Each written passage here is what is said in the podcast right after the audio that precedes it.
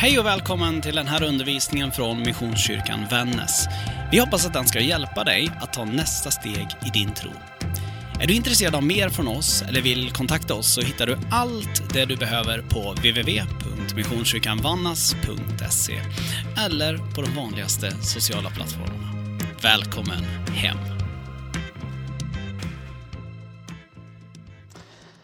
Så här eh, berättar eh, evangelisten Lukas ifrån Apostlärningarnas Apostlagärningarnas fjärde kapitel. Medan Petrus och Johannes stod och talade till folket så kom det dit präster, chefen för tempelpolisen och några saduceer.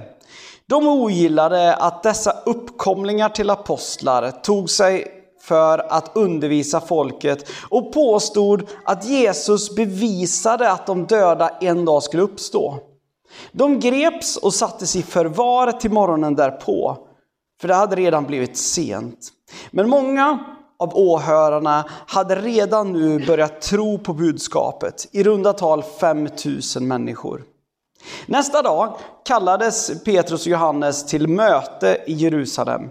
Rådsherrarna, de religiösa ledarna, de skriftlärda, de högsta överste prästerna, Hannas och Kajafas, Johannes, Alexand eh, Alexandros, alla som överhuvudtaget var något i Jerusalem kom dit.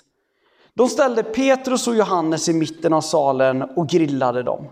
Vilken rätt menade de sig att ha, ha att göra på det här viset? Vad ville de uppnå med sin undervisning? Då fylldes Petrus av den helige Ande och gav dem svar på tal.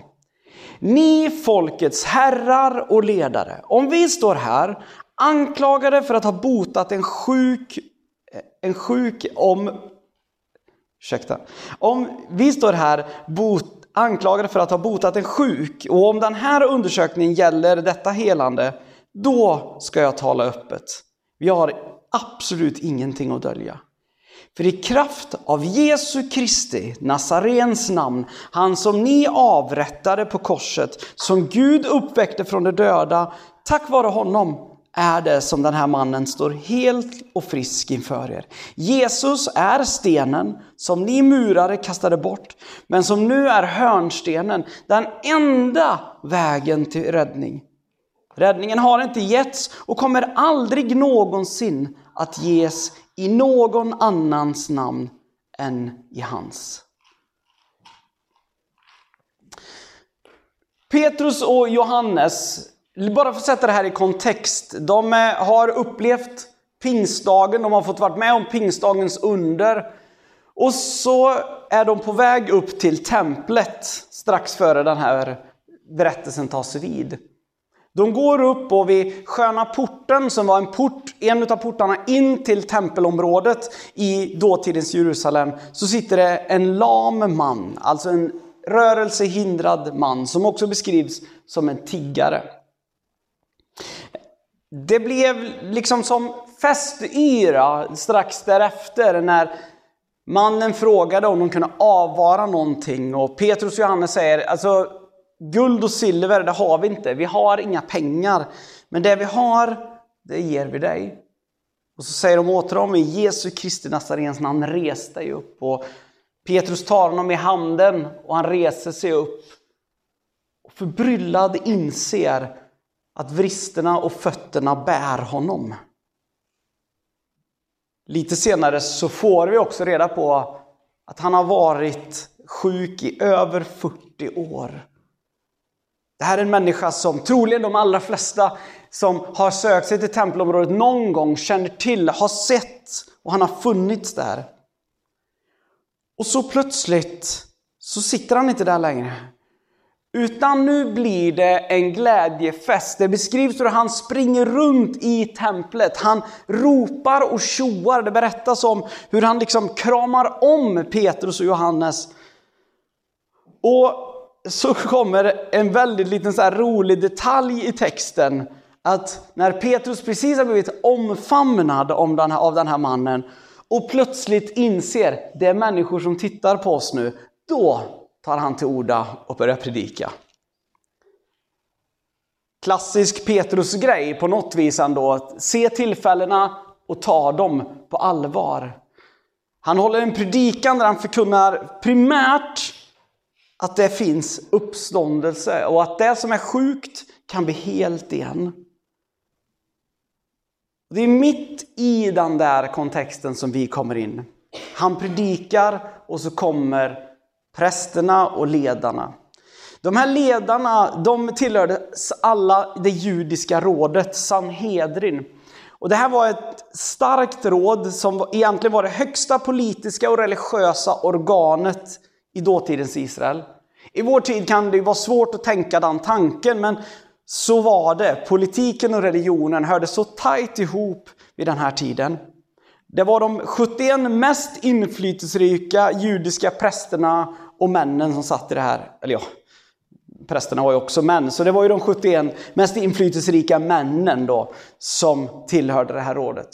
Men de här de hade lite olika bakgrund. Och egentligen kan man säga att det fanns tre huvudgrupperingar. Och jag tror att de är kloka att få med sig för att förstå. Den första gruppen som egentligen var stor inom de här, de känner nog du väldigt, det namnet känner du nog troligen väldigt lätt igen och det är fariseerna. Den fariseiska gruppen, det var en gruppering människor som trodde väldigt mycket på lagen, var väldigt noga med att följa lagen. Men de också var övertygade om att frälsningen, alltså räddningen, kommer genom att man är jude och följer lagen. Rätt egentligen enkelt, rakt, ställ inte så många frågor. Lev efter de här reglerna så blir allt bra. Det var en av grupperna. Den gruppen som, om man läser Johannes evangeliet så verkar det som att varenda jude i Jerusalem var farisé. Riktigt så är det inte. För den största gruppen egentligen vid den här tiden, i alla fall om vi ska tro historikern Josefus som levde samtida här, det var saduceerna. Och saduséerna det var en grupp män som absolut var lagstyrda. Men de var primärt, och de var religiösa i den månen om att de tänkte att lagen och den religiösa lagen var viktig. Men de var inte religiösa i en personlig mening. Det här var inte en grupp människor som tänkte på att människan skulle ha en relation till Gud. Det finns eh, till och med saduceiska skrifter bevarade där det beskrivs som att de menar att Gud bryr sig inte om den lilla människans ensak. De tänkte liksom som att det var snarare så att Gud skapade, Gud satte Israels folk och sen så gick Gud till hängmattan. Lite den bilden kanske. En sak som var otroligt viktigt för den här gruppen, det var den saken som de här apostlarna kom och undervisade just här. För för dem så var det så, det finns absolut ingen uppståndelse från de döda i saduséernas värld. Det var något av det mest hemska du skulle kunna påstå. Rent krasst så skulle vi kunna förstå saduséer idag som människor nu vet som gillar väldigt mycket logik. Man tittar inte så mycket till att det skulle kunna hända så mycket oförklarligt utan det mesta går faktiskt förklara. Den sista gruppen, den hade inte så hög status egentligen. Men de fanns i Sanhedrin, dock i några få. Däremot så idag så är ju i alla fall många av oss som är bibelläsare och jag som teolog otroligt tacksam över att den här gruppen fanns. Och det är esséerna. Esséerna är som sadduceerna fast tvärtom kan man säga. De menade att frälsningen absolut kom genom lagen, men det var inte så enkelt. Utan frälsningen kommer också genom ett asketiskt leverne, genom att faktiskt inse att Gud har väldigt mycket kommentarer på mitt liv. Varför är jag tacksam för Iséerna? Jo, för utan dem hade vi inte haft ett gammaltestamente på hebreiska. För det var de som bland annat också blev lite mer sekteristiska runt i ett område som heter Qumran. Och sen en dag gömde alla sina skrifter i lerkärl som hittades på 40-talet och som vi kallar Döda havsrullarna. Fullkomligt avgörande för modern bibelforskning och för att förstå. De här, de älskade sina skrifter, men de menade också att relationen till Gud var personlig. Okej, okay, de här tre grupperna finns. Och de här tre grupperna, de påverkade olika mycket. Man skulle kunna säga, för att göra det enkelt, att det sena borde i teorin inte ha jättestora problem med Jesus. Om det inte hade varit för att han påstår att han är Guds son, eller påstår att han var det. I övrigt så är det egentligen inte så mycket. För att de menade absolut att människor kan få liksom insikter från Gud. Man kan predika olika saker och så vidare. De var mer öppna för det. Men för fariseerna och saduceerna som trots allt faktiskt var en garanterad majoritet i den där Sanhedrin. Det var det här helt otänkbart. När Petrus kliver fram så börjar han tala och det märks tydligt att liksom i hela resonemanget när han också så tydligt betonar, är det just botandet som är problematiskt? Är det den ni ger er på?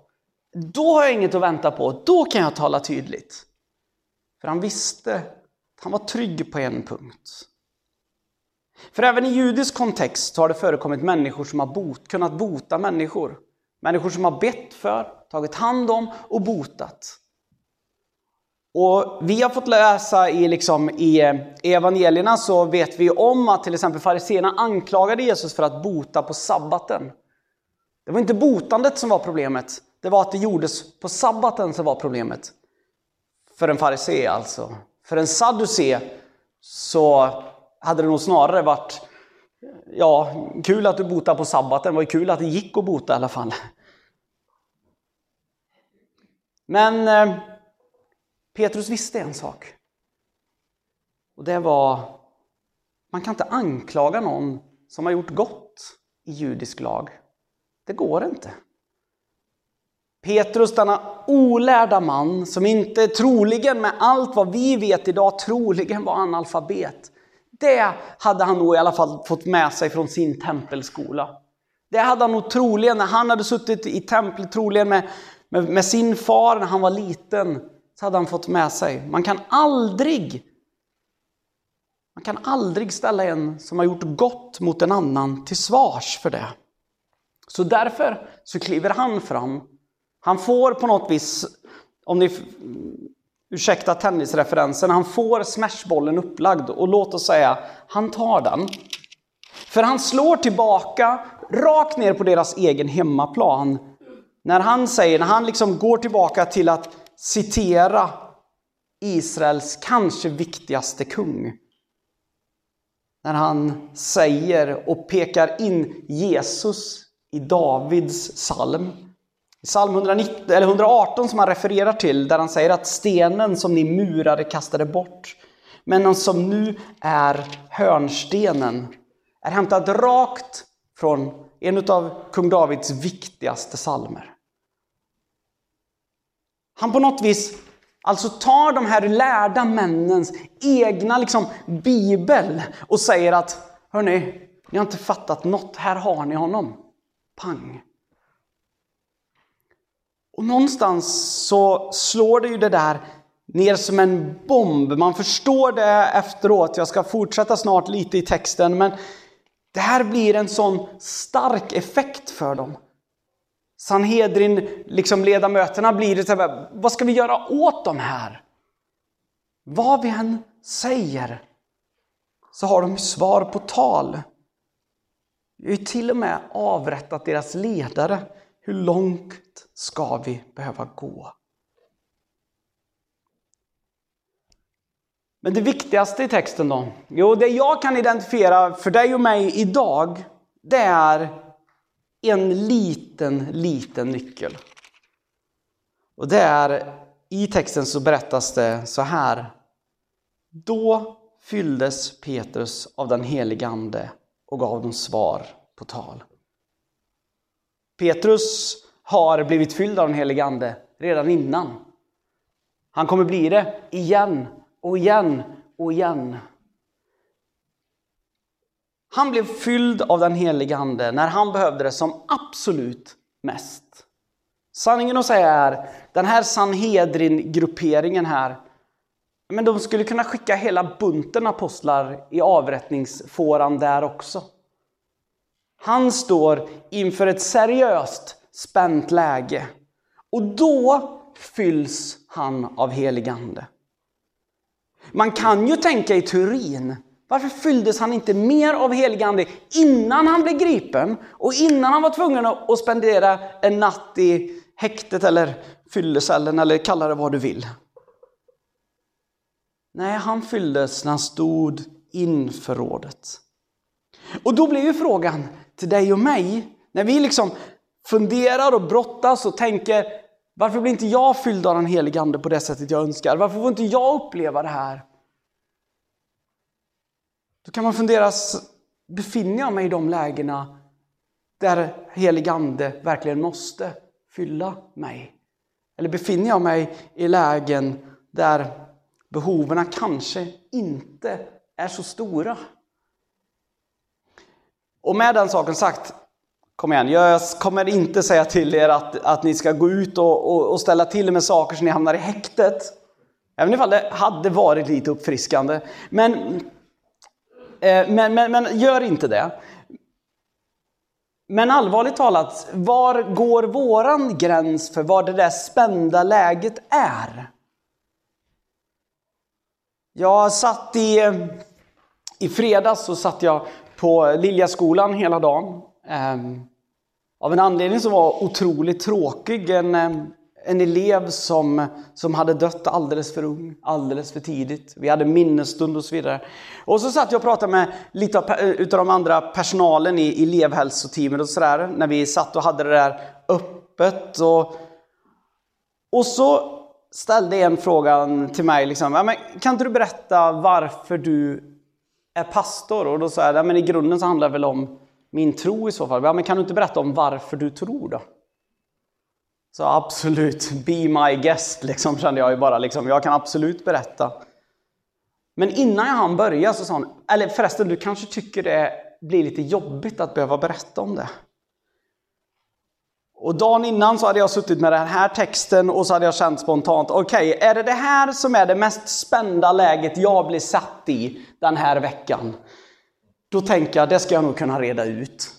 Och kanske är det så att just i det läget så insåg jag, i den situationen jag satt där, jag kan längta efter att bli fylld av den helige Ande och få predika lika starkt som Petrus, men allvarligt talat, i just det läget behövde jag faktiskt inte bli fylld av den helige Ande och liksom få, en, få ett, ett mod utom mig, bortom mig. Jag kunde tala utifrån min erfarenhet.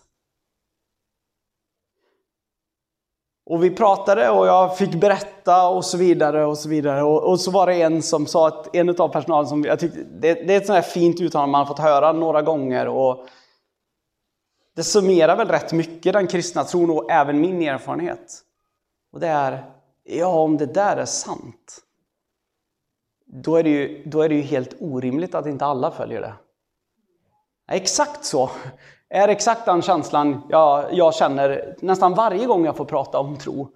När jag väl får liksom rota i det här, att är det här sant? Då är det ju, då förändrar det ju allt.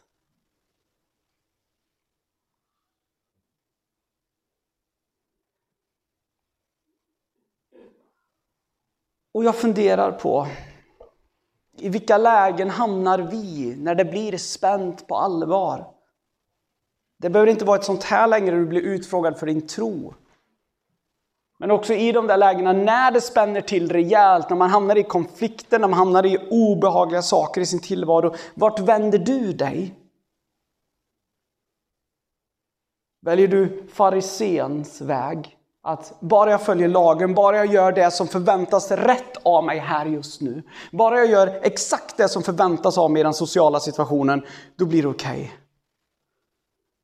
Eller väljer du Saduséns väg och tänker att, nej men okej, eh, eh, eh, eh, nu blir det jobbigt, nu blir det stressigt. Ja men okej, bara jag följer logiken, jag, jag, söker i mig själv, i mitt inre, inte den sociala kodningen nu, utan jag bara söker inom mig själv och tittar lite, ja men då kanske jag hittar en logisk bra lösning. Väljer du den liksom esseiska vägen? Och tänker att nu är det jobbigt, nu är det jobbigt, nu är det jobbigt. Mm mm, mm, mm, mm. Chefen är arg, chefen är arg, vad ska jag göra? Jag ber att den onde ska fara ur chefen. Jag väljer den liksom andligt jagande vägen. Eller väljer du den vägen som kanske vi i det här fallet då mer kan kalla den kristna vägen. Väljer du att be, Herre kom med din ande och fyll mig i den här situationen. Väljer du att ta emot den kraften som anden verkligen har att ge dig? Vänder du dig till Gud? Precis som Petrus sa. Du kan eh, söka de där vägarna, vilka vägar du vill. Men Petrus har otroligt rätt i sina ord. Han säger att Jesus är den enda vägen till räddning. Räddningen har inte getts och kommer aldrig någonsin att ges i någon annans namn utom hans. Frågan är, när det blir spänt, söker du svaret i det namnet? Eller söker du svaret i någon annans namn? Och oavsett om du har gjort det tusen gånger eller ingen gång. Låt dig fyllas av den helige Ande. Petrus lät sig uppenbarligen fyllas gång på gång på gång. Den paulinska erfarenheten som genom Paulus brev, där är uppmuntran, låt er fyllas igen och igen och igen. Den kristna erfarenheten genom alla tider, igen, igen, igen. Det är inte en gång och sen är det bra. Utan när det stormar som värst, när det är som bäst, oavsett vilket läge du är i, sök Herren.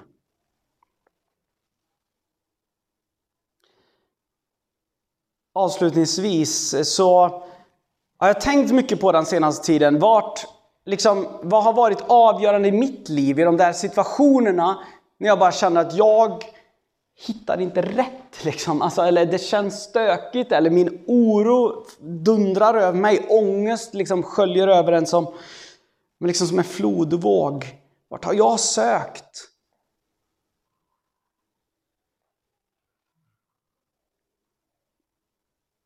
Absolut sökt i Bibeln, men eh, för mig har också en annan källa varit väldigt viktig. Och det är sånger som kommer från det här. Det är sånger som liksom har liksom blivit min hjälp. Jag vet inte hur många gånger som jag har liksom suckat där när jag liksom brottats med saker, mått dåligt över någonting, kämpat med någonting. Att jag liksom har suckat ut de där orden i livets storm. Han Herre är överallt. Jesus Krist hörnsten är, svag blir stark i frälsarens famn. I livets storm, han Herre är överallt.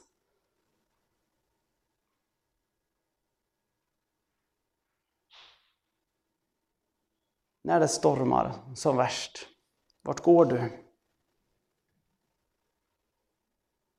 Är det till vår gemensamma kultur? Är det till din hjärna? Eller går du raka vägen in i andlig krigsföring? Eller börjar du med att söka Herren? Jag vet i alla fall vad jag skulle uppmuntra dig till. Låt oss be. Herre Jesus Kristus, tack för det offer du gjort för oss. Tack för allt det stora du gjort för oss. Herre, du ser hur olika våra liv kan se ut. Men jag ber dig Herre att oavsett i vilken del av livet vi är, alldeles oavsett var vi är, så ber jag dig Herre. Låt oss få komma till dig. Låt oss söka dig. Och Herre, i de stunderna när vi verkligen och på riktigt måste bli fyllda av dig så ber jag dig Herre, låt oss vara öppna för att bli fyllda av din heligande. ber så i ditt heliga namn Jesus. Amen. Hej, det här är pastor Johan. Så roligt att du lyssnat på den här podden ifrån oss. Jag hoppas att den har fått betyda något för dig och min bön det är att det du fått lyssna till, att det faktiskt har gett dig praktiska verktyg för ditt liv framåt. Vill du veta mer om oss så spana gärna in vår hemsida. Där finns också fler poddar och undervisning. Har du lyssnat genom Spotify eller till exempel en poddapp så får du mer än gärna prenumerera på vår kanal. Gud välsigne din vecka.